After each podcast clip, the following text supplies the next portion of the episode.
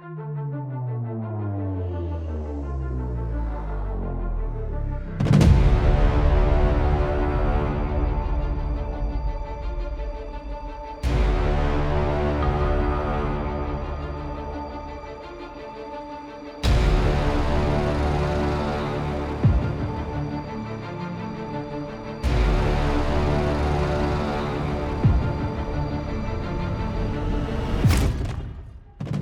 Cześć, witam na moim kanale.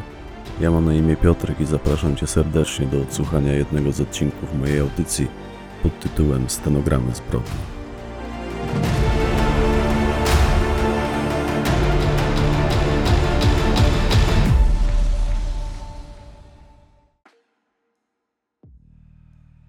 Porządki.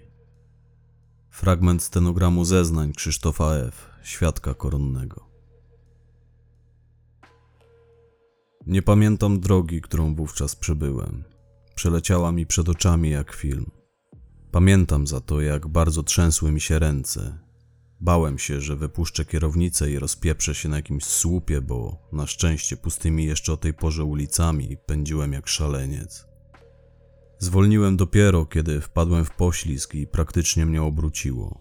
Przemówiłem sobie wtedy do rozsądku, że już mu nie pomogę, że bez względu na to, jak szybko się tam zjawię, niczego to już nie zmieni. Wpadłem na podwórko jak wściekły, gdzie wokół zdezelowanego trzepaka zebrała się już grupa mieszkańców okolicznych kamienic. Przepchnąłem się między nimi i zamarłem. Patrząc na skulone ciało, na ugięte nogi Zezola, który zwisał na przywiązanym do dolnej poręczy trzepaka sznurze, na jego bezwładnie wiszące wzdłuż ciała ręce i wyciągniętą ku górze głowę wydarłem się. Wypierdalać wszyscy, wszyscy won. A potem, gdy zostałem przy jego zwłokach już tylko z rybką, zwyczajnie się rozpłakałem. Patrząc w nieprawdopodobnie posiniałą twarz martwego przyjaciela, starałem się wmówić sobie, że to tylko sen, że zaraz się obudzę i okaże się, że Ferajna jest w komplecie. I staliśmy tam z rybką jak dwa słupy soli. Zadałem mu wtedy pytanie: Dlaczego go nie odciąłeś? No bo czekamy na karetkę, wymamrotał. A po chuj komu twoja karetka? spytałem, po czym ruszyłem w kierunku kamienicy, w której mieszkała moja matka. Ją samą zastałem stojącą w szlafroku przy oknie w dużym pokoju. Podszedłem do niej, pocałowałem ją w czoło, a ona wciąż jakby chowając się za firanką spytała: To naprawdę Robert tam wisi? Tak, mamo, Robert, powiedziałem, wyjmując z kuchennej szuflady nóż. Dodała wtedy: Ludzie mówią, że wy złe rzeczy robicie, a ja przez chwilę nie wiedziałem, co jej odpowiedzieć. Ludzie gadają różne głupoty, mamo, oznajmiłem w końcu. W sumie to wymamrotałem to do siebie pod nosem. Na tyle cicho, że nie wiem, czy cokolwiek z tego usłyszała. Potem zszedłem na dół, miękkie nogi miałem, pamiętam. Stanąłem nad martwym przyjacielem. Przez moment patrzyłem na biegnący od jego szyi do przęsła trzepaka sznur i na jego wpół otwarte sine powieki, spod których spozierały na mnie mętne, martwe oczy. Wziąłem głęboki wdech. Chodź tu, potrzymaj go, krzyknąłem do rybki. I kiedy ten chwycił Zezola pod ręce, przeciąłem sznur. Gruby wie? spytałem, gdy kładliśmy go na rozciągniętym na ziemi kocu, który, podobnie jak nóż, też przyniosłem z mieszkania matki. Nie, nie odbiera telefonu. Siwy też. Pewnie śpią, usłyszałem. No i dobra, powiemy im jak przyjdzie na to czas, a teraz zostawmy go tutaj, rzekłem. Rybka wymamrotał. Jak to zostawmy? To po co go odcinaliśmy? Żeby kurwa nie wisiał głąbie, wrzasnąłem. Potem dodałem: Ja nie wiem, jak to się załatwia, nie wiem co dalej. Ta cholerna karetka jedzie już pół godziny, oznajmił rybka. Psiarskie też. Wzywałeś glinę? spytałem zaskoczony. Nie ja, sąsiedzi. Dobra, to spierdalajmy stąd. Chodź, pozbieramy myśli u mojej mamy, oznajmiłem, po czym obaj udaliśmy się do jej mieszkania. Pamiętam, jak ogromne wrażenie zrobiła na mnie śmierć Zezola. Nie spodziewałem się, że po tylu przejściach, po ilu już byłem, czyjakolwiek śmierć zrobi jeszcze na mnie tak silne wrażenie. A tu proszę. Bezsilność, którą czułem widząc jak nad zwłokami Zezola pochyla się ratownik z karetki jest nie do opisania. Stałem tam, przy tym oknie, tam gdzie wcześniej stała moja mama i zerkałem z zauchylonej firanki na to, co się działo, na pracę policyjnych techników przy trzepaku, na to, jak ostatecznie jacyś ludzie pakują Zezola do czarnego worka. W tym czasie, bo trwało to kilka godzin, wypiliśmy z rybką dwie butelki wódki wyjęte z barku mojej matki.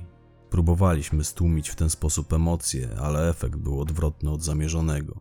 Krew w moich żyłach wręcz buzowała. Siwy z grubym dojechali do nas dopiero po tym, jak Zezola już zabrano. Zeszliśmy wtedy na dół. Rybka opowiadał nam, jak to się stało, że znalazł go wiszącego na trzepaku. Otóż po powrocie z lotniska chłopaki umówili się na melanż. Z zamiarem utrwalenia wspomnień greckich plaż pojechali napić się na kwadrat do rybki. On czasami pomieszkiwał w mieszkaniu po rodzicach, które znajdowało się dwa piętra nad mieszkaniem mojej matki. Wyznał nam, że rozpili wtedy najwyżej połowę flaszki, a Zezol w pewnym momencie poszedł się odlać i nie wracał przez kolejne 15 minut. Rybka wydzwaniał za nim, ale ten nie odbierał. Jakieś pół godziny później poszedł go szukać i znalazł go wiszącego na trzepaku. Wtedy zadzwonił do mnie. Siedzieliśmy potem we czterech, rozmyślaliśmy, zastanawialiśmy się nad rozmiarem zemsty. Skąd mieliśmy pewność, że to nie samobójstwo? Przede wszystkim szczęśliwi ludzie, tacy jak wtedy Zezol, nie robią podobnych rzeczy. Poza tym od samego początku nie było wątpliwości, kto mu to zrobił, bo sprawca podpisał się na drzwiach Sławojek. Ogromny, wykonany farbą w aerozolu napis ciągnął się przez wszystkie sześć par drewnianych drzwi. Widniało tam za Malika. I kiedy tak staliśmy z grubym, siwym i rybką i wpatrywaliśmy się w ten napis, gruby powiedział: Zajebiemy ich, wszystkich ich wyryżniemy jak psy, albo my ich, albo oni nas. Wtedy ja podniosłem głowę, otarłem cieknące mi po policzkach łzy. Nie trzeba wszystkich, Sajan wystarczy, ale najpierw pozbądźmy się tego trzepaka, jego czas właśnie minął, oznajmiłem. I wyrwaliśmy ten trzepak z korzeniami. Połamaliśmy jego przęsła, potem jego pozostałości wrzuciliśmy za stojące nieopodal śmietniki, z nadzieją, że zabiorą je często odwiedzające okoliczne podwórka złomiarze, że zniknie nam on z oczu. A przynajmniej mnie. Ja po prostu nie mogłem, nie potrafiłem już na niego patrzeć. Dla mnie w tamtym momencie on musiał przestać istnieć. Na podwórzu długo nikt się nie pojawiał. Odniosłem wrażenie, że ludzie obawiali się wyjść z mieszkań. Jako, że wszystko kosztowało nas sporo emocji, chłopaki postanowili tego dnia odpuścić i ochłonąć. Nie podejmować się żadnych akcji, przemyśleć wszystko na spokojnie, zaplanować odwet i też ukryć się na jakiś czas, gdyż przypuszczaliśmy, że polowanie trwa i nas może czekać podobny los. Ale ja miałem inne plany. Kiedy jakoś po południu w mieszkaniu mojej matki zostaliśmy tylko ja i ona, nie mogąc znaleźć sobie miejsca, poszedłem do sklepu i kupiłem kolejną butelkę wódki, największą jaka stała na półce. Po powrocie opróżniłem ją prawie całą jednym haustem. Kwadrans później padłem bez czucia na łóżku w swoim dawnym pokoju. Sponiewierałem się wtedy jak zwierzę. Ale nie potrafiłem inaczej. Wiedziałem, że muszę zabić w sobie negatywną energię, którą byłem naładowany, że muszę odciąć sobie nogi, bo jestem nakręcony jak zegarek. Pójdę gdzieś i zrobię coś głupiego. Bezsilność, nienawiść, wściekłość, a do tego cykl sterydowy, który niedawno zakończyłem, no i spożyty alkohol. To nie była dobra mieszanka. Poza tym potrzebowałem, w tamtym niezwykle trudnym dla mnie momencie, potrzebowałem czuć zapach rodzinnego domu, mieć blisko matkę. Wtedy o tym nie wiedziałem, nie zdawałem sobie z tego sprawy, jak ważne to dla mnie było, a dziś jestem tego pewien, że coś kazało mi wtedy tam zostać. Strach? Nie, chyba nie. Wiem natomiast, że z jakichś powodów nigdzie indziej nie znalazłbym sobie wtedy miejsca. Chciałem chyba być blisko matki. Wyobrażam dziś sobie siebie, siedzącego wtedy przy stole, pijanego jak świnia, przestraszonego jak nigdy wcześniej, 107-kilogramowego bandytę Aminsynka. Czułem się wtedy jak mały chłopiec, jak gówno. Obudziłem się w środku nocy, sam w swoim dawnym pokoju, to znaczy w pokoju należącym kiedyś do mnie i moich braci. W przeszłości gnieździliśmy się tam na kilku metrach we trzech. Wstałem, otrzepałem się, chwiejnym krokiem udałem się pod okno, by sprawdzić, czy to, co mi się śniło, te wszystkie straszne rzeczy, które mi się wtedy przyśniły, były prawdą. I okazało się, że były, że na podwórzu nie ma już trzepaka. I dotarła do mnie wtedy paraliżująca myśl, że Zezola też już nie ma. Gdy uświadomiłem to sobie, przeszły mnie zimne dreszcze. Poszedłem do łazienki, przemyłem twarz wodą, potem pozbierałem się, ucałowałem śpiącą w salonie matkę w czoło i zarzuciłem na siebie bluzę z kapturem z zamiarem wyjścia na podwórko. Jakoś właśnie wtedy ona się przebudziła. Powiedziała: Była tu policja, zostawili ci wezwanie na przesłuchanie. Dobrze, mamo, później po nie wrócę, skłamałem. Jakoś wcale nie miałem zamiaru pucować się przed policją z okoliczności znalezienia zwłok Zezola. Nigdy tego wezwania nie odebrałem, ani żadnego z późniejszych. Wyszedłem na podwórko, za potrzebą. Wciąż byłem dość mocno pijany, ostro szumiało mi w głowie. Sławojka nie wchodziła w grę, więc załatwiłem się tuż obok białego BMW sąsiada, którym szczęśliwie jeździł do tamtej pory. BMW, o którym tak kiedyś marzyłem, którym tak bardzo chciałem się kiedyś przejechać, że z tego powodu zacząłem kraść samochody.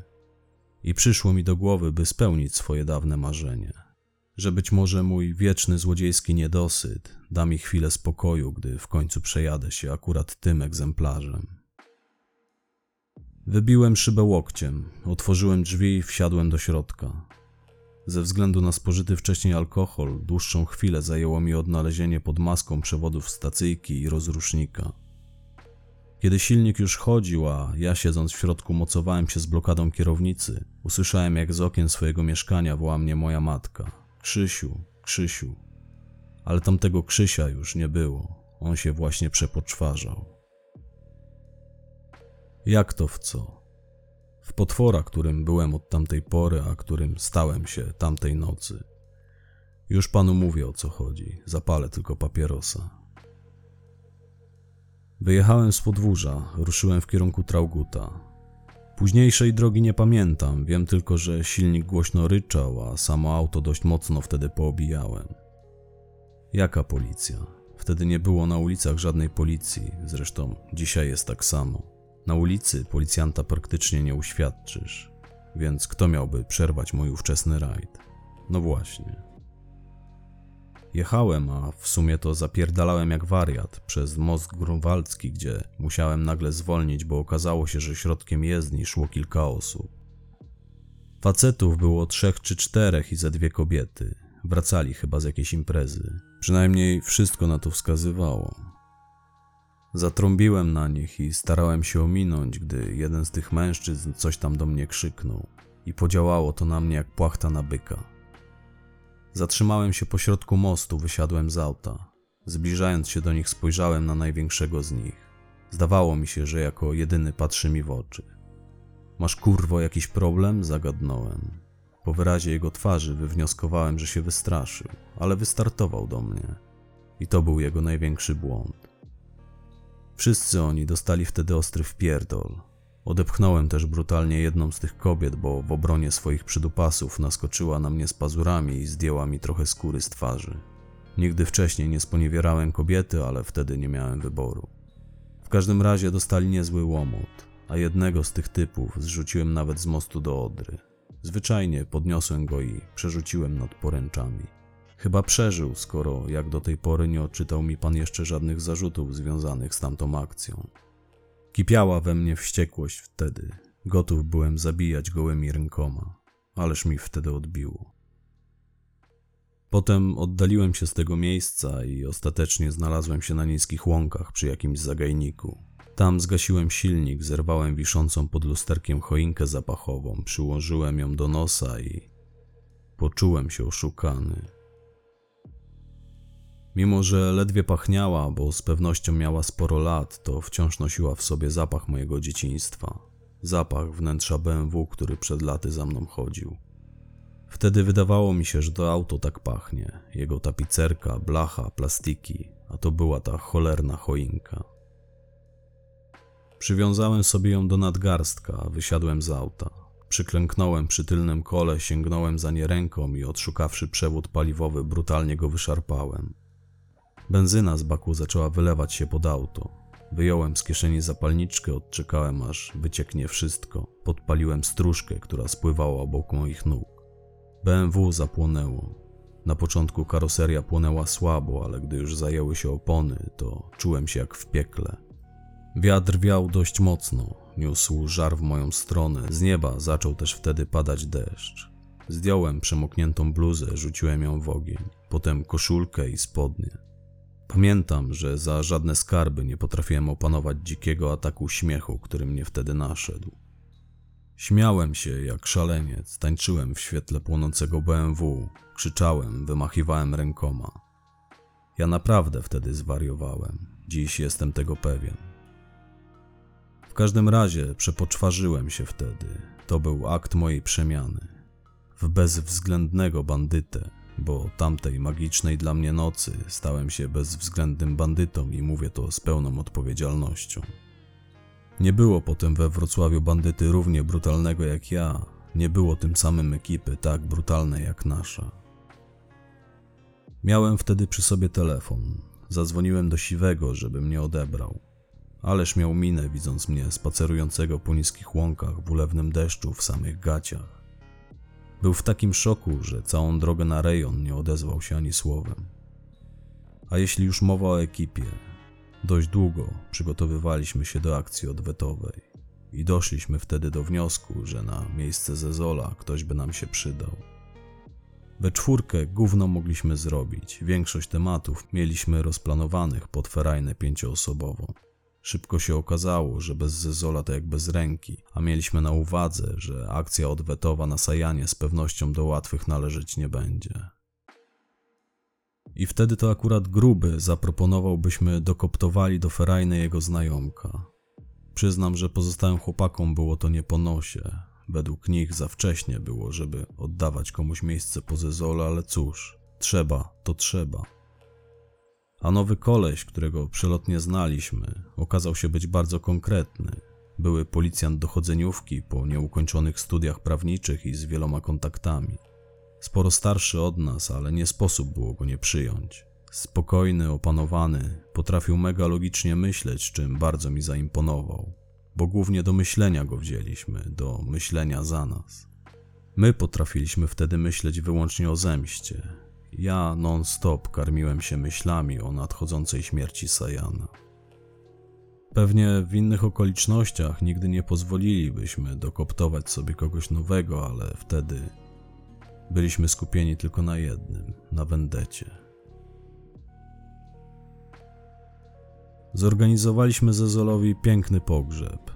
Zaskoczyła nas ilość osób, która przybyła, ilość miejskich ekip, które zjechały się towarzyszyć mu w jego ostatniej drodze.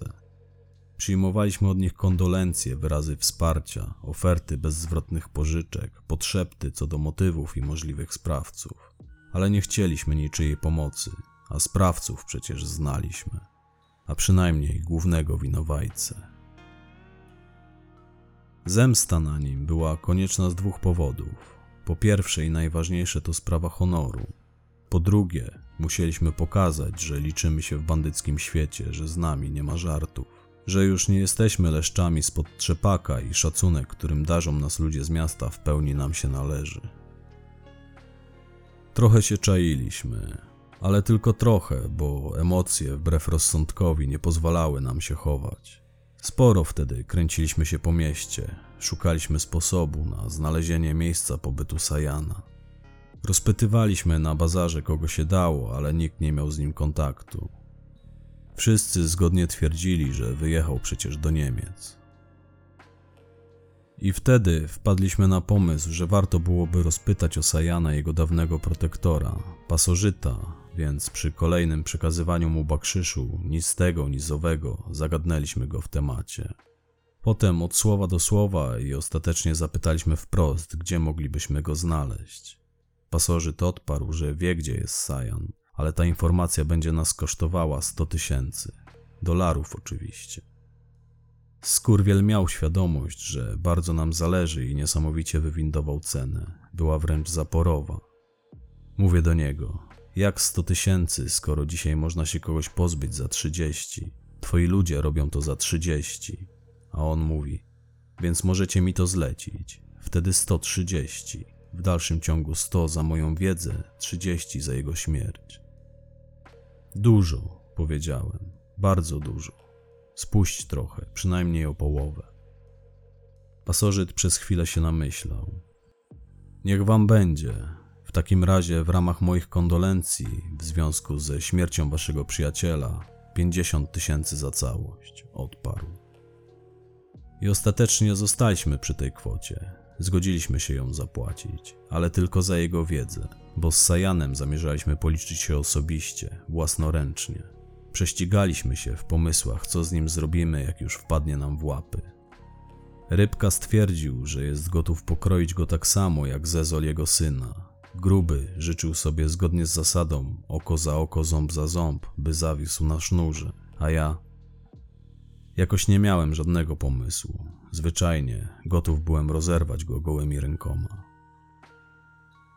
Umówiliśmy się z pasożytem, że poda nam adres pobytu Sajana, gdy tylko przyniesiemy mu pieniądze. Opuszczaliśmy więc jego elegancki gabinet w izbie, uchachani od ucha do ucha. Było tylko jedno ale. Problem polegał na tym, że nie posiadaliśmy wtedy takich pieniędzy. Był to mniej więcej nasz trzymiesięczny przychód, a mieliśmy mnóstwo wydatków. Nie, żebyśmy byli goli, ale sporo nam brakowało. Bardzo dużą sumą, którą zebraliśmy między sobą z pomocą zrzutki, poratowaliśmy rodzinę Zezola. Byliśmy im to winni. Czuliśmy się odpowiedzialni za jego śmierć. Przynajmniej ja tak czułem, choć nigdy się do tego nie przyznałem. Więc w związku z tym, że bardzo nam zależało, postanowiliśmy brakującą kwotę jak najszybciej zdobyć, w taki sposób, by za bardzo nie pobrudzić sobie rąk, a przynajmniej nie dostać garba. Objechaliśmy kilka miejsc, przyjrzeliśmy się kilku tematom. Każdy z nich był ryzykowny, ale przecież kto nie ryzykuje, ten nie pije szampana, a w naszym przypadku nie dokonuje zemsty.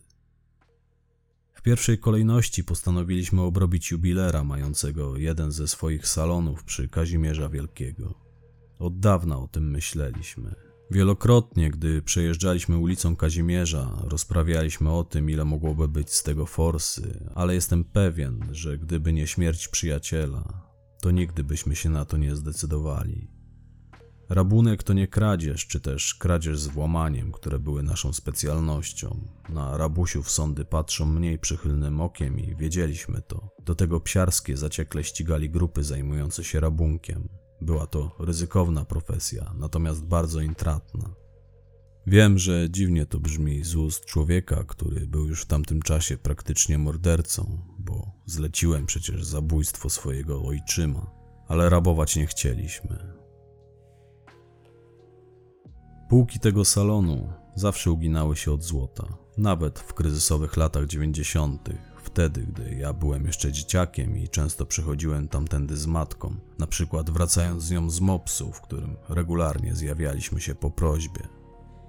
Moja mama zawsze przystawała wtedy przy tej witrynie, by sobie przez chwilę popatrzeć. Popatrzeć, z wiadomych względów wyłącznie popatrzeć. Jest mi nieopisanie przykro za każdym razem, gdy sobie o tym przypominam, gdy przypominam sobie twarz matki, kiedy odchodziła stamtąd z wymalowanym na niej smutkiem. Ja, będąc jeszcze dzieciakiem, obiecałem sobie, że kiedyś kupię jej jakąś piękną biżuterię. I wtedy postanowiłem, że już po akcji sprezentuję mamie jeden z naszych łupów. Przecież nie musiałem jej mówić, skąd to mam. Pięć czarnych kominiarek, trzy kije baseballowe, wist i dwie duże sportowe torby. No i oczywiście auto, w którym siedział nasz etatowy kierowca siwy i czekał aż skończymy. Świeżo pożyczone z byle jakiego parkingu, bo i tak miało spłonąć. Pod drzwi salonu jubilerskiego podjechaliśmy na jakieś dwie godziny przed jego zamknięciem. Wyskoczyliśmy z auta, wbiegliśmy do środka. Dwie kobiety z obsługi zastraszyliśmy pistoletem, kazaliśmy im położyć się na podłodze. Rybka trzymał je na muszce, my w tym czasie pakowaliśmy precjoza do toreb. Te najdroższe ukryte były za pseudopancerną szybą, która poddała się po kilkunastu uderzeniach kijami. Oczywiście oprócz tego, że wyczyściliśmy półki z biżuterii, wzięliśmy sobie też cały ich utarg. Piękna to była robota, szybka, czysta i przyjemna. I już miałem nadzieję na zasłużony odpoczynek, gdy w momencie jak stamtąd odjeżdżaliśmy, gruby ryknął do siwego: Jedź do rynku. Po chuj do rynku włączyłem się. Musimy wiać, zaraz zjadą się tu tabuny psiarskich. A gruby na to. Tam jest jeszcze jeden salon jubilerski należący do tego samego gościa. Zrobimy go podobnie jak ten w pięć minut. Psiarskie oszaleją z radości. Przyznam, że pomysł grubego natychmiast przypadł nam do gustu, aczkolwiek mieliśmy trochę wątpliwości. Kazałem siwemu na chwilę przystanąć. Potem przez chwilę się namyślaliśmy, na koniec doszliśmy do wniosku, że to faktycznie nie głupi pomysł i że to zrobimy. Popędziliśmy więc do rynku. Ulicą Kurzytarg wjechaliśmy na jego płytę, podjechaliśmy pod drzwi Feniksa, domu handlowego, w którym na parterze mieścił się salon jubilerski. Wewnątrz było wtedy kilkoro klientów. Na widok osobników w kominiarkach dwoje z nich zaczęło zachowywać się agresywnie, pewnie z obawy o zawartość swoich portfeli, ale jeden strzał z pistoletu oddany w sufit natychmiast uświadomił im, gdzie jest ich miejsce. Gdy już opróżniliśmy wszystkie gabloty, warknąłem do nich wyskakiwać z gotówki i wyskoczyli, a mieli jej przy sobie całkiem sporo. Chyba planowali jakieś grubsze zakupy, bo tamtego dnia obłowiliśmy się na 25 tysięcy, a 5 z portfeli tych frajerów. Po całej akcji podarowałem mamie piękne, obsadzane diamentami kolczyki i nie przyjęła ich ode mnie. Stwierdziła, że te kolczyki to czyjaś krzywda i choć są najpiękniejszymi kolczykami, jakie w życiu widziała, to ona ich nie chce. Zabrałem je ze stolika, schowałem do kieszeni i opuściłem jej mieszkanie. Nie pokazałem się u niej przez kilka kolejnych miesięcy. Chodziłem na nią obrażony. Sprzedaliśmy potem te kolczyki razem z całą resztą paserom z targowiska na Świebockim. Część kupili od nas nasi handlarze z Zielińskiego. I w tamtym momencie brakowało nam jeszcze 11 tysięcy dolarów a do późniejszego ich zdobycia w głównej mierze przyczynił się nasz nowy kompan, Czarek, myśliciel, który jak najbardziej sprawdził się podczas tamtych napadów. Czarek powiedział, że ma sporo kumpli, byłych policjantów, którzy dorabiają sobie jako ochroniarze czy ciecie, a jeden z nich pracuje jako konwojent w banku. I tamten ponoć jeździł w rejon uzbrojony tylko na pozór, z pistoletem, ale bez magazynka, bo bał się broni i strzelanin. Taki typ, Wyobraża pan sobie, panie prokuratorze? Ryzykował własne życie, a w sumie to gotów był oddać je bandytom na tacy, bo bał się strzelaniny. I jeździł, konwojował gotówkę z pistoletem niezdatnym do użytku. Ale tylko on o tym wiedział. No i Czarek, któremu nieopatrznie wygadał się kiedyś po pijaku. Od słowa do słowa i postanowiliśmy zrobić bankowy konwój z pieniędzmi. Już trwały do tego przygotowania, gdy Czarek, nasz stratek, zaproponował, byśmy ogarnęli ten temat jeszcze inaczej. Powiedział, że pogada z tym swoim kumplem, by nam się podstawił, za udział w zyskach. Początkowo uznaliśmy ten pomysł za głupi, ale ostatecznie dotarło do nas, że taki sposób załatwienia sprawy mocno zredukuje możliwe ryzyko, bo przecież drugi z konwojentów idiotą już pewnie nie był i jeździł w rejon z naładowanym pistoletem. Tym bardziej, po co rzucać się na kogoś, kto być może do krwi ostatniej będzie bronił przewożonej przez siebie gotówki, jeśli można sprowokować sytuację, w której sam wszystko nam grzecznie odda? I przystaliśmy na propozycję Czarka, by się z jego kumplem umówić. Rodziło się pytanie, czy on zechce, ale zechciał. Podana przez Czarka kwota zrobiła na nim wrażenie na tyle ogromne, że w mig przystał na naszą propozycję. To był Fiat Scudo, zwyczajna, aczkolwiek lekko opancerzona furgonetka. Jeździliśmy za nią po mieście przez jakieś dwie godziny, zanim jej dwuosobowa załoga nie odwiedziła wszystkich zaplanowanych punktów. Umówiony z nami konwojent miał za zadanie zwracać uwagę na to, czy konwój nie jest śledzony, ale jak właśnie powiedziałem, był z nami umówiony i absolutnie nie zwrócił na to uwagi. Potem, gdy furgonetka kierowała się już ku centrali, na moment zjechała jeszcze na stację paliw przyślężnej. Ten motyw też był wcześniej uzgodniony. Facet miał udawać, że bardzo mu się chce na kibel, a tym samym wystawić nam swojego partnera. I tak zrobił. Gdy tylko furgonetka zatrzymała się z tyłu budynku stacji, typ wyskoczył z kabiny jak wystrzelony z procy, a my zaparkowaliśmy w jej pobliżu i zajęliśmy się drugim konwojentem wciąż znajdującym się w kabinie. Dobiegliśmy do niego, oczywiście zamaskowani. Ja przyłożyłem mu pistolet do głowy, gruby brutalnie wyciągnął go z kabiny. Położyliśmy go na ziemi i przykuliśmy go kajdankami, które nosił przy sobie do stalowej felgi jego furgonetki. Zabraliśmy mu jego pistolet, to był P64, a tym samym zyskaliśmy wtedy nową broń oraz klucze od paki furgonetki, które miał przytroczone do paska. Gdy ja trzymałem go na muszce, chłopaki przerzucali do naszego auta walizki z pieniędzmi. Było ich tylko trzy, ale pękate. A całość tej akcji udała nam się tylko dlatego, że tamten umówiony z nami typ był na tyle miły, iż w pośpiechu wysiadając z kabiny, jakoby w wyniku roztargnienia nie domknął za sobą drzwi. To był oczywiście motyw, który też wcześniej uzgodniliśmy i opłaciło się. Zdobyliśmy brakujące 11 tysięcy dolarów z tłustą nawiązką, bardzo tłustą. Byliśmy z tego powodu tak hojni, że naszego konwojenta nagrodziliśmy sowitą premią, a on obiecał milczeć jak grób do końca swojego życia. I miał świadomość, że tylko od niego zależy, ile jeszcze pożyje, bo otrzymał od nas reprymendę, że jeśli miałby się rozpróć, a spodziewaliśmy się, że będzie podejrzewany przez psiarskich o możliwy współudział w tym rabunku. Zresztą on też się tego spodziewał, bo nie był głupi, był przecież emerytowanym gliną. To go tak załatwimy, że jego rodzina pochowa pustą trumnę. I facet milczał, dopóki nie zszedł na zawał serca jakieś pół roku później. Widocznie nie przysłużyła mu się praca za kółkiem, do tego tak stresująca. To było jakoś w czasie, gdy szykowaliśmy się do przekazania zdobytej forsy pasożytowi. Jakoś wtedy zadzwoniła do mnie moja mama. Prosiła, bym zgłosił się na komisariat, złożyć zeznanie jako świadek w sprawie śmierci Zezola. Chociaż ona go tak wtedy nie nazwała, ona zawsze mówiła o nim Robert. Powiedziała, że dzielnicowy wciąż ją nachodzi w temacie jego śmierci i tego, kto zdjął go ze sznura. Że jej skrzynka pocztowa, a ja wciąż byłem u niej zameldowany, jest pełna zaadresowanych do mnie wezwań i ponagleń, że wzywają mnie na świadka. Zgodziłem się. Powiedziałem, że pójdę, żeby dali jej w końcu spokój. No i mnie, bo w ponagleniach były zawarte pouczenia, z których wynikało, że jeśli się nie stawię, to doprowadzą mnie siłą. A nie, nie w ponagleniach. Nie ma czegoś takiego jak ponaglenia. Teraz sobie przypomniałem, że to dzielnicowy wyznał mojej matce, że jeśli się w końcu nie stawię, to mnie wywiadowcy pochwycą na ulicy i doprowadzą na przesłuchanie siłą. Potem oczywiście odnotują, że sam się zgłosiłem. Psiarskie mają takie metody. Ładnie z jego strony, że to powiedział. Oszczędził wszystkim kłopotów. Więc poszedłem, aczkolwiek przekraczając progi komendy wojewódzkiej na podwalu, czułem się jakbym właził do paszczy lwa. No, w każdym razie czułem się mocno nieswojo.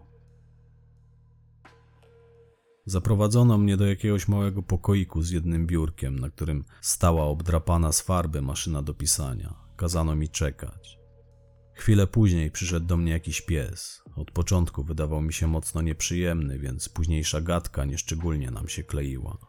On nie był zadowolony z jej przebiegu, a ja z powodu tego, że musiałem tam siedzieć. Udało mi się od niego wyciągnąć tyle, że Zezol nie popełnił samobójstwa.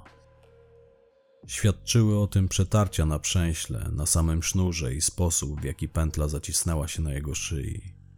Zanim zawisł, został ogłuszony, nosił ślady na potylicy świadczące o tym, że otrzymał cios w głowę, jak to określił ten pies, tym pokrawędzistym narzędziem.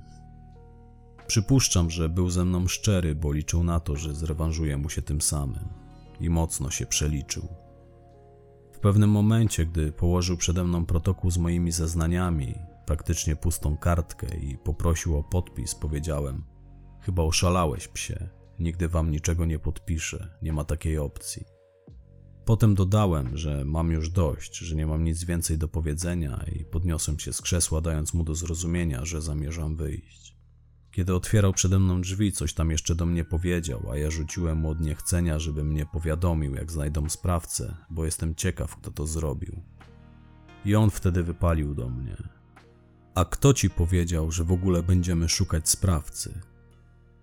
Stanąłem jak wryty w tych drzwiach. Odparłem, że nie rozumiem o czym on do mnie gada. A on dodał. Zwisa mi, kto załatwił twojego kolesia. Jednego bandyty mniej. Wezwałem cię tu, bo musiałem. Przysłuchiwałem, bo musiałem.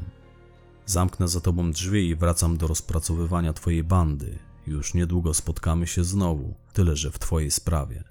No chyba, że się wcześniej sami powyżynacie.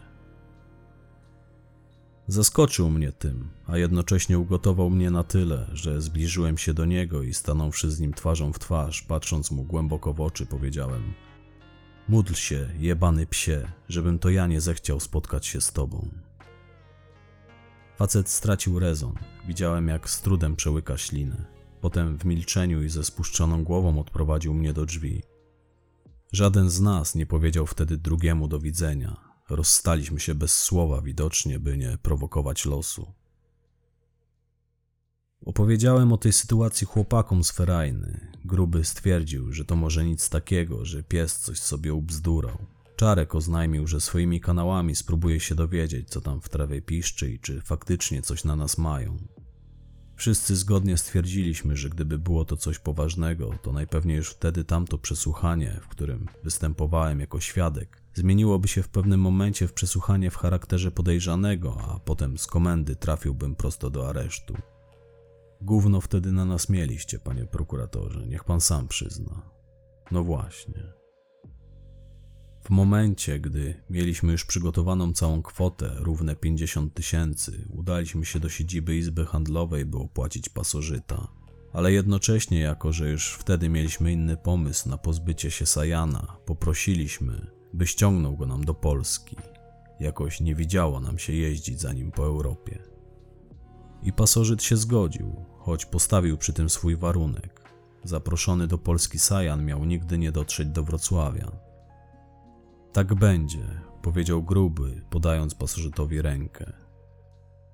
Potem jeszcze dogadaliśmy się co do dnia i godziny przyjazdu Sajana do Polski i na krótko przed tym wyruszyliśmy w drogę ku granicy z Niemcami. Pasożyt był na tyle miły, że posłał za Sajanem swoich znajomków z Drezna. Ci wiedzieli skąd wyruszy, mieli podążać za nim aż do granicy z Polską i stąd znaliśmy markę i kolor auta, którym się poruszał. Na bieżąco znaliśmy też dokładne jego położenie, jak i godzinę przekroczenia przez niego granicy. Przejęliśmy go od nich, gdy tylko pojawił się w Zgorzelcu. Wciąż poruszając się autostradą, kierował się w stronę Wrocławia. Był sam, jechał spokojnie. Spotkanie z pasożytem miał umówione dopiero na wieczór i prawdopodobnie z tego powodu raczej mu się nie spieszyło. Planowaliśmy w dogodnym dla nas momencie sprowokować wypadek, zepchnąć go z drogi, a potem dobić i porzucić w rozbitym aucie. Ale ku naszemu zdumieniu, Sajan w pewnym momencie jakoś tuż przed Bolesławcem zjechał z autostrady i skierował się w głąb otaczającego nas z każdej strony gęstego, sosnowego lasu. Ja obstawiałem, że jedzie za potrzebą, ale chłopaki mieli więcej racji. W ich mniemaniu jechał na dziewczyny i szybko się okazało, że tak właśnie było. Zjechał do lasu, a potem stanął na przydrożnej polanie, gdzie ustawiony był drewniany stolik i ławki. Miejsce to było przygotowane przez nadleśnictwo, można było się tam posilić, odpocząć, rozpalić ognisko. Zaczynała się tam też jakaś przyrodnicza ścieżka edukacyjna.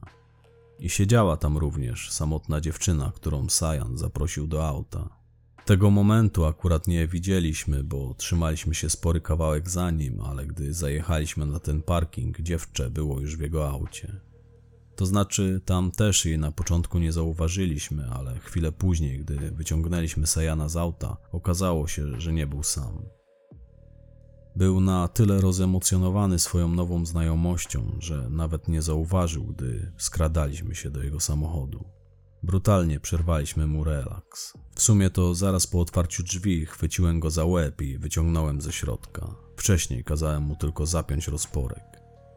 I gotów byłem mu ten łeb ukręcić już tam, w tym samym momencie, lecz gruby widząc, że Sajan, którego trzymałem w powietrzu, uniesionego za gardło, za chwilę wyzionie ducha, wydarł się. Nie tutaj, kurwa, bierzemy go i jedziemy w głąb lasu. Wtedy postawiłem go na ziemi, a gruby wetknął mu do ust kawałek szmaty. A co robimy z tą kurewką? spytał rybka, zaglądając do auta Sajana i mając na myśli wciąż siedzące tam przestraszone dziewczę. To samo co z nim, rzucił Czarek. Nie możemy zostawić żadnych świadków. Wtedy rybka wyciągnął do niej rękę, ale ta pokręciła na boki głową. Proszę, nie, powiedziała ze łzami w oczach. Niestety, rybka wyrwał ją ze środka siłą. Krzyczała, próbowała się wyrywać, ale na nic jej się to zdało. Gruby podszedł do niej, chwycił ją w pół, przerzucił ją sobie przez ramię i ruszył w głąb lasu. Gestem ręki dał nam znać, że mamy podążać za nim. Więc szedłem za nim, popychając przed sobą Sajana. Czarek szedł za nami, a Siwy i Rybka jechali za nami dwoma autami. Sajan był bardzo zaskoczony tym, co go spotkało. Bardzo, aż odebrało mu mowę. Nie odezwał się ani słowem przez całą drogę. W sumie to nie za bardzo mógł, bo przecież gruby wetknął mu w usta knebel. Dopiero po jakimś czasie, gdy dotarliśmy w głąb lasu i klęczał tam przed nami na ziemi, zamierzał coś wydukać, ale w tym samym momencie gruby niespodziewanie dla nas wszystkich wystrzelił mu z pistoletu prosto w twarz.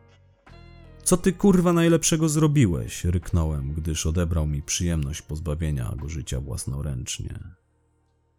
A o czym do chuja chciałeś z nim gadać? odparł gruby. Gruby ma rację, tu nie ma co gadać, panowie, wtrącił czarek. Jak najszybciej musimy pozbyć się ciała, potem podpalić jego samochód i do widzenia. A co w takim razie robimy z nią? spytałem, wskazując palcem klęczącą nieopodal zwłok Sajana dziewczynę. Już mówiłem, to samo, powiedział Czarek i wyjął z zapaska zdobyte w trakcie akcji z konwojem P-64. Przeładował, przyłożył jej lufę do skroni, a w momencie, gdy spodziewałem się usłyszeć huk wystrzału, usłyszałem tylko głuche uderzenie pistoletowego zamka. Czarek nie strzelił wtedy, okazało się, że jego pistolet się zaciął. Gruby podał mu swój pistolet, to znaczy niegdyś mojego wista, ale wtedy rybka, jakby wyrwany z jakiegoś letargu, powiedział: Chłopaki, nie róbmy tego. To był znak, że nie powinniśmy jej zabijać. Co ty pierdolisz, rzucił czarek. Naprawdę, nie zabijajmy jej, prosił rybka. Nie szkoda wam jej? Jest młoda, całe życie przed nią, powiedział smutnym głosem. A co kurwa może mieć z życia? spytał poirytowany gruby. Wtedy ja, wciąż wściekły na grubego, wtrąciłem. A może coś chciałaby mieć? Spytałeś ją o to? I gruby podszedł do niej, przyklęknął. Powiedział: Chcesz żyć? Powiedz. A ona rycząc jak bóbr, pokiwała głową, że chce. Kurwa debile, nie tak się umawialiśmy, nie możemy zostawić świadka, warknął czarek. A ona wcale nie musi być świadkiem, ona będzie sprawcą, powiedziałem, po czym podszedłem do czarka, zabrałem mu wista, włożyłem go do ręki tej dziewczyny, zacisnąłem go w jej dłoni. Teraz ty jesteś sprawczynią tego morderstwa, wyszeptałem jej do ucha. Rozumiesz, co mam na myśli. A ona rycząc jeszcze głośniej niż wcześniej, już wtedy cały makijaż zdążył z niej spłynąć, policzki i usta miała czarne od tuszu, wybeczała. Rozumiem. Wtedy podszedłem do czarka, podałem mu wista, skierowanego lufą do niego, by chwytając go nie zatarł na nim jej odcisków palców. Patrząc mu w oczy powiedziałem – i nigdy więcej nie mów do mnie debilu. Zrozumiał ostrzeżenie, spuścił wzrok na ziemię, schował pistolet do kieszeni. Potem, po krótkiej naradzie, podpaliliśmy auto Sajana z jego zwłokami w bagażniku i ruszyliśmy w drogę powrotną do Wrocławia. Mieliśmy go gdzieś. Dla nas nie był godzien, byśmy kopali mu dziurę, a dziewczę puściliśmy wtedy wolno. Ja osobiście byłem pewien, że zachowa tamte wydarzenia w tajemnicy. O ile jestem sobie w stanie przypomnieć, był to ostatni akt łaski w moim wykonaniu. Potem byłem już tylko coraz bardziej bezwzględny. Pamiętam, że przez jakiś czas trąbili o tym zabójstwie w radiu. Było też o Sajanie w telewizyjnym 997 czy czymś takim. Nazwali go tam turystą z Niemiec o nieustalonych personaliach, zamordowanym dla kilkuset euro, które rzekomo miał w portfelu. A ile miał, to nie wiem, nie sprawdzaliśmy wtedy. Nie interesowały nas jego pieniądze, a wyłącznie jego marne życie. Zresztą skąd ktokolwiek mógłby wiedzieć, ile gotówki miał w portfelu, skoro portfel, o ile w ogóle go miał, spłonął razem z nim. Akurat oglądaliśmy wszyscy powtórkę tego programu. Siedzieliśmy wtedy u grubego w willi, luzowaliśmy się przy piwku. I w pewnym momencie Fajbusiewicz powiedział, że na miejscu zbrodni policja zabezpieczyła ślady traseologiczne. Rybka pyta, traseologiczne, czyli jakie do cholery? Ślady butów, odparł mu Czarek. No to co teraz, mamy zniszczyć nasze buty? pyta Rybka. A Czarek powiada, daj spokój, przecież to gadka dla plepsu. Nasze służby jeszcze nigdy nikogo po butach nie znalazły. Możemy spać spokojnie. No i spaliśmy spokojnie. Oprócz siwego, który jakiś czas później przyznał się, że swoje buty spalił. Wszystkie, bo nie pamiętał, którą parę akurat wtedy miał na nogach. Oczywiście upiekła nam się ta sprawa. Gdy przygraniczne komendy polowały na bandytów napadających niemieckich turystów, my dalej robiliśmy swoje. Regularnie zbieraliśmy bakszysz od czasu do czasu, zrobiliśmy jakąś hurtownię czy jakiegoś zaparkowanego przy drodze tira. O tyle, o ile mieliśmy w ogóle na to ochotę, bo w sumie pieniędzy z bakszyszu nam wystarczało. Poza tym, po wszystkim, co do tamtej pory nawywijaliśmy, postanowiliśmy na jakiś czas usunąć się w cień. Nie, żebyśmy zamierzali oddać innym nasze miejsce w szeregu, ale na jakiś czas postanowiliśmy zluzować. Każdemu z nas żyło się nieźle na poziomie, a psiarskie non-stop węszyły od czasu do czasu stawiały zarzuty kolejnym ekipom. Czuliśmy, że kilka niewłaściwych ruchów i możemy znaleźć się na ich miejscu. Jak już wspomniałem, postanowiliśmy chwilowo odpuścić i przez kolejne 3 czy 4 miesiące żyliśmy w miarę spokojnie, mając nadzieję, że nikt tego nie zauważy. Niestety nie umknęło to uwadze kilku ekipom, które zaczęły panoszyć się na naszym terenie, zwłaszcza ekipie Maślanego z Gaju, który nosił u siebie taką ksywę, bo za dzieciaka potrafił pojawić się na osiedlu z kostką masła w ręce, spożywając je jak kanapkę. Przynajmniej tak mówili ci, którzy znali go od dziecka. Ekipa Maślanego to było pięciu czy sześciu typów, którzy szybko chcieli się nachapać i nikt nie miał im tego za złe, bo wiadomo, każdy z nas lubił szybkie i łatwe pieniądze. Problem z nimi polegał na tym, że pchali się innym ekipom na rewiry, a to, jak wiadomo, było bardzo niemile widziane. Byli na tyle bezczelni, że kiedyś, gdy obrobili z wódki i fajek jakiegoś spożywczaka u nas na krzykach, praktycznie pod domem siwego, to w momencie, gdy spotkaliśmy ich później pod dyskoteką, a gruby zwrócił im na to uwagę i powiedział, że tak się nie robi, maślany pokazał mu środkowy palec. O dziwo gruby nie zapakował typa do bagażnika i nie wywiózł do lasu ale pamiętam, że poznał wtedy na dyskotece jakąś nową dziewczynę, był nią bardzo zaaferowany i chyba dlatego sobie odpuścił. Natomiast nie zapomniał o tym. O nie, on nigdy nie puszczał płazem z niewagi. Wezwał nas do siebie już kolejnego dnia, by oznajmić nam, że robimy porządek z maślanym. Miał już nawet przygotowany plan. Grubemu chodziło o to, by nie tyle zmieść maślanego z planszy, co dać mu solidną nauczkę. Po pierwsze za wtykanie mordy do cudzej miski, chociaż my sami już z tej michy wtedy nie jedliśmy, bo nie robiliśmy już włamów, ale sam fakt, że ktoś wpychał nam mordę do michy bez pytania, był dla nas nie do przyjęcia. A po drugie, no tak, po drugie ten nieszczęsny środkowy palec. Na zwróconą mu przez grubego uwagę maślany powinien był przyjść, ukorzyć się, powiedzieć: Przepraszamy, że wleźliśmy na wasz rejon, następnym razem poprosimy o zgodę a on zamiast tego okazał nam pogardę. Gruby chciał go podjąć z ulicy, wpierdolić mu w ustronnym miejscu, odciąć mu potem ten palec sekatorem i w biały dzień wypuścić go w środku miasta bez gaci, ale Czarek zapodał pomysł, który spodobał nam się jeszcze bardziej. Pomysł, który pozwalał nam uwolnić się od wszelkich późniejszych podejrzeń i przystąpiliśmy do jego realizacji już tydzień później, podczas kolejnego pobytu na dyskotece, gdzie jak zwykle bawiła się większość miejskich ekip. Kiedy zabawa trwała już w najlepsze, gruby niby przypadkiem trafił na stolik, przy którym siedział maślany. Od słowa do słowa zaprosił go do naszej loży. Kiedy ten się u nas zjawił, poczęstował go szampanem, zapytał co słychać. A gdy Maślany zaczął chwalić się swoimi wyczynami, Klaudia Nowak, dobra nasza znajoma, działająca na własne konto dziewczyna do towarzystwa, która słynęła z tego, że obrabia frajerów, na naszą oczywiście prośbę niepostrzeżenie wyjęła mu z kieszeni marynarki portfel. I w chwili, gdy puściła grubemu oko, potwierdzając wykonanie zadania, gruby zakończył z Maślanym rozmowę. Podziękował mu za pogawędkę, życzył dalszych sukcesów. Tak, gruby to doskonały aktor, Mimo, że Gbur i bandyta to potrafił odegrać wiele ról, wtedy też zagrał Oscarową. Więc wzięliśmy sobie ten jego portfel i kolejnej nocy udaliśmy się w okolice dworca głównego. Zaparkowaliśmy na Gwarnej pod nieczynnym o tej porze salonem z automatami do gier należącym do jednej z ekip ze śródmieścia, po czym ubrani w kominiarki oraz wyposażeni w kije baseballowe wyłamaliśmy jego drzwi wejściowe i weszliśmy do środka. Tam, w ciągu bodajże dwóch, trzech minut, zdemolowaliśmy całość jego wyposażenia, a ze zniszczonych automatów wyrwaliśmy kasetki z pieniędzmi. To był chamski kipisz, podczas którego nawet sowicie się obłowiliśmy. A wszystko to poszło oczywiście na konto maślanego, bo nie omieszkaliśmy zgubić, że tak powiem, w środku jego portfel. Pięć razy przekładaliśmy go z miejsca na miejsce, by mieć pewność, że dochodzeniowcy, którzy przyjadą na miejsce włamania, z pewnością go odnajdą. Jak to się mówi, upiekliśmy wtedy dwie pieczenie na jednym ogniu. Zarobiliśmy trochę forsy i pozbyliśmy się maślanego. Dostał wtedy siódemkę czy ósemkę za to włamanie, a żeby było śmieszniej, sąd dorzucił mu jeszcze czwórkę, która wisiała nad nim w zawiasach. I tym sposobem Wrocław na długo zapomniał o maślanym.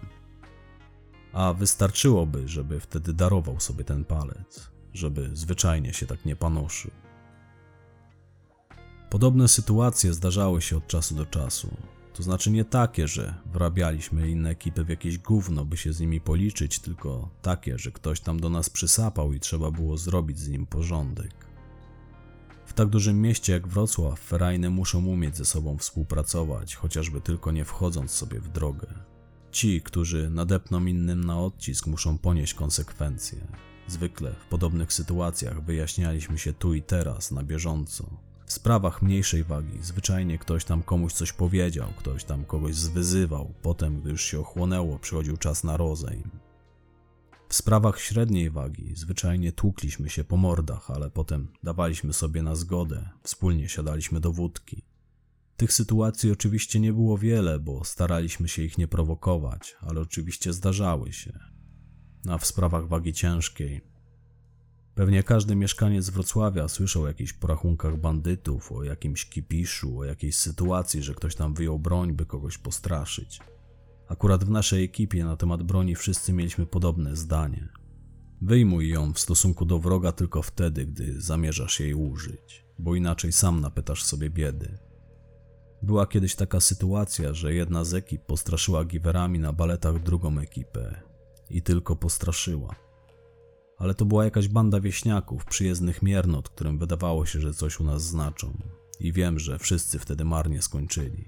Nie dotrwali nawet do końca dyskoteki, każdy z nich opuścił ją w bagażniku. Bywało też tak, że i nam naprzykrzały się przypadkowe osoby. Wtedy brało się takie odsłaniaczka na zaplecze i tam się go wyjaśniało. Pamiętam taką sytuację, gdy wystartowała do nas pod baletami grupa wieśniaków. Może i nie byli ze wsi i niepotrzebnie tychże obrażam, ale oni stuprocentowo kojarzyli mi się z tym słowem. Wszyscy wyglądali jak od pługa oderwani, każdy miał na łbie czapeczkę z daszkiem, której daszek starannie wygiął wcześniej wokół szklanki, a na dodatek ich przywódca, to znaczy chyba był ich przywódcą, bo najwięcej miał do powiedzenia i najbardziej się rzucał, ubrany był w białe dżinsy. No jak facet może na siebie założyć białe dżinsy? Tamten koleś w ogóle wyglądał jak cudak, Brakowało mu już tylko kowbojskiego kapelusza. W każdym razie po kuligu, który urządziliśmy mu wokół budynku dyskoteki, jego spodnie nie przypominały już białych. Były czarne, czerwone, miejscami w ogóle ich nie było, ale z pewnością nie były już białe. I tak się bawiliśmy, tak nam czas leciał. Zawsze potrafiliśmy znaleźć sobie jakąś rozrywkę, zawsze każdego potrafiliśmy wyjaśnić. Wracając do tematu, jak już wspomniałem, po akcji z Sajanem postanowiliśmy zluzować. Mniej kręciliśmy się po mieście, mniej rzucaliśmy się w oczy. I kilka ekip to zauważyło. Błędnie odebrali to jako sygnał, że się wycofujemy z rynku, że nasz prestiż na mieście się pomniejsza. Między innymi z tego powodu wynikła później akcja z Maślanym. A co gorsza, nie do końca pokrywające się z prawdą wieści o naszym odejściu z rynku pasożyt odebrał podobnie. I chyba uznał wtedy, że nie warto z nami prowadzić interesów, bo jakiś czas później dał nam do zrozumienia, że chce nas wysiudać z Zielińskiego. Jak zamierzał to zrobić? Ano zwyczajnie. Pewnego dnia po prostu wezwał nas do siebie, stwierdził, że jest zmuszony, uwaga, zmuszony, podnieść swoją dolę za targowisko. Powiedział, że od teraz będziemy dzielić się zyskami w proporcji 60 do 40. Zapytałem go od razu, czy oszalał, ale odparł zuchwale, że nie. Powiedzieliśmy, że się zastanowimy, on dał nam na to parę dni. I w efekcie przy kolejnym bakrzyszu oddaliśmy mu te 60%. Strasznie było nam to nie pomyśli, ale oddaliśmy. Choć czuliśmy się, jakbyśmy sami nastawiali mu dupy, a on przy kolejnym bakrzyszu zażądał dla siebie 70%. I wtedy nabraliśmy już pewności, że zamierza nas wysiudać z interesu. Oznajmiliśmy mu, że nie możemy przystać na jego propozycję przynajmniej z kilku powodów, a główny był taki, że nie lubiliśmy być dymani, bo nikt tego nie lubi. Wtedy bezczelnie stwierdził, że będziemy płacić mu 70%, a nawet 80 czy 90, jeśli on tylko tego zechce. Gruby spytał, skąd ta pewność? I wtedy pasożyt położył przed nami na biurku plik fotografii. Wziąłem je do ręki jako pierwszy, zacząłem przeglądać, obejrzane przekazywałem dalej chłopakom. Oni podobnie jak ja patrzyli w nie z ogromnym niedowierzaniem. Przedstawiały bowiem nas, stojących w lesie nad klęczącym Sajanem, nad jego spoczywającym na ziemi martwym ciałem, nas, wkładających potem jego zwłoki do bagażnika auta na niemieckich numerach, którym wtedy przyjechał, nas, stojących przy jego płonącym aucie, nas, odjeżdżających stamtąd naszym autem. Fotografie były bardzo wyraźne i czuć było, że komuś szczególnie zależało na tym, by uwiecznić na nich nasze twarze. Jedna z nich przedstawiała też twarz dziewczyny, która nam wtedy towarzyszyła, a wszystkie musiały zostać wykonane z ukrycia, bo my nikogo wtedy tam nie zauważyliśmy. Nikt tamtędy nawet nie przejeżdżał. Gruby wymamrotał. Kto zrobił te zdjęcia? Moi ludzie, powiedział pasożyt. Naprawdę chcesz nas szantażować? spytałem. A on odparł: Nie chcę, po prostu macie wypierdalać z Zielińskiego. Opuściliśmy wtedy jego biuro w podłych nastrojach, bardzo podłych. Kiedy wsiadaliśmy do zaparkowanego pod izbą auta, rybka spytał: Kurwa, co my teraz zrobimy? Jak to co? stwierdził gruby. Zrobimy z nim porządek. Tylko akurat jego załatwimy w taki sposób, żeby usłyszeli o nas nawet w Moskwie. A zdjęcia? Co ze zdjęciami? wtrącił siwy. Pierdolić jego zdjęcia, powiedziałem. Chce nas nimi wyłącznie zastraszyć. I wtedy włączył się Czarek. Krzychu ma rację, stwierdził. Mafiozi nie donoszą na glinę. W porachunkach mafijnych wszystko załatwia się między sobą. Nie ma takiej opcji, żeby te zdjęcia zobaczył jakikolwiek pies. Możecie mi wierzyć, dokończył Czarek. I od słowa do słowa wspólnie orzekliśmy wtedy, że zdjęcia niewiele dla nas znaczą, a my musimy uwolnić się od tej cholernej daniny. Na zawsze. I że ten śmierdziel pasożyt zasłużył na wyrok śmierci. Bezapelacyjnie.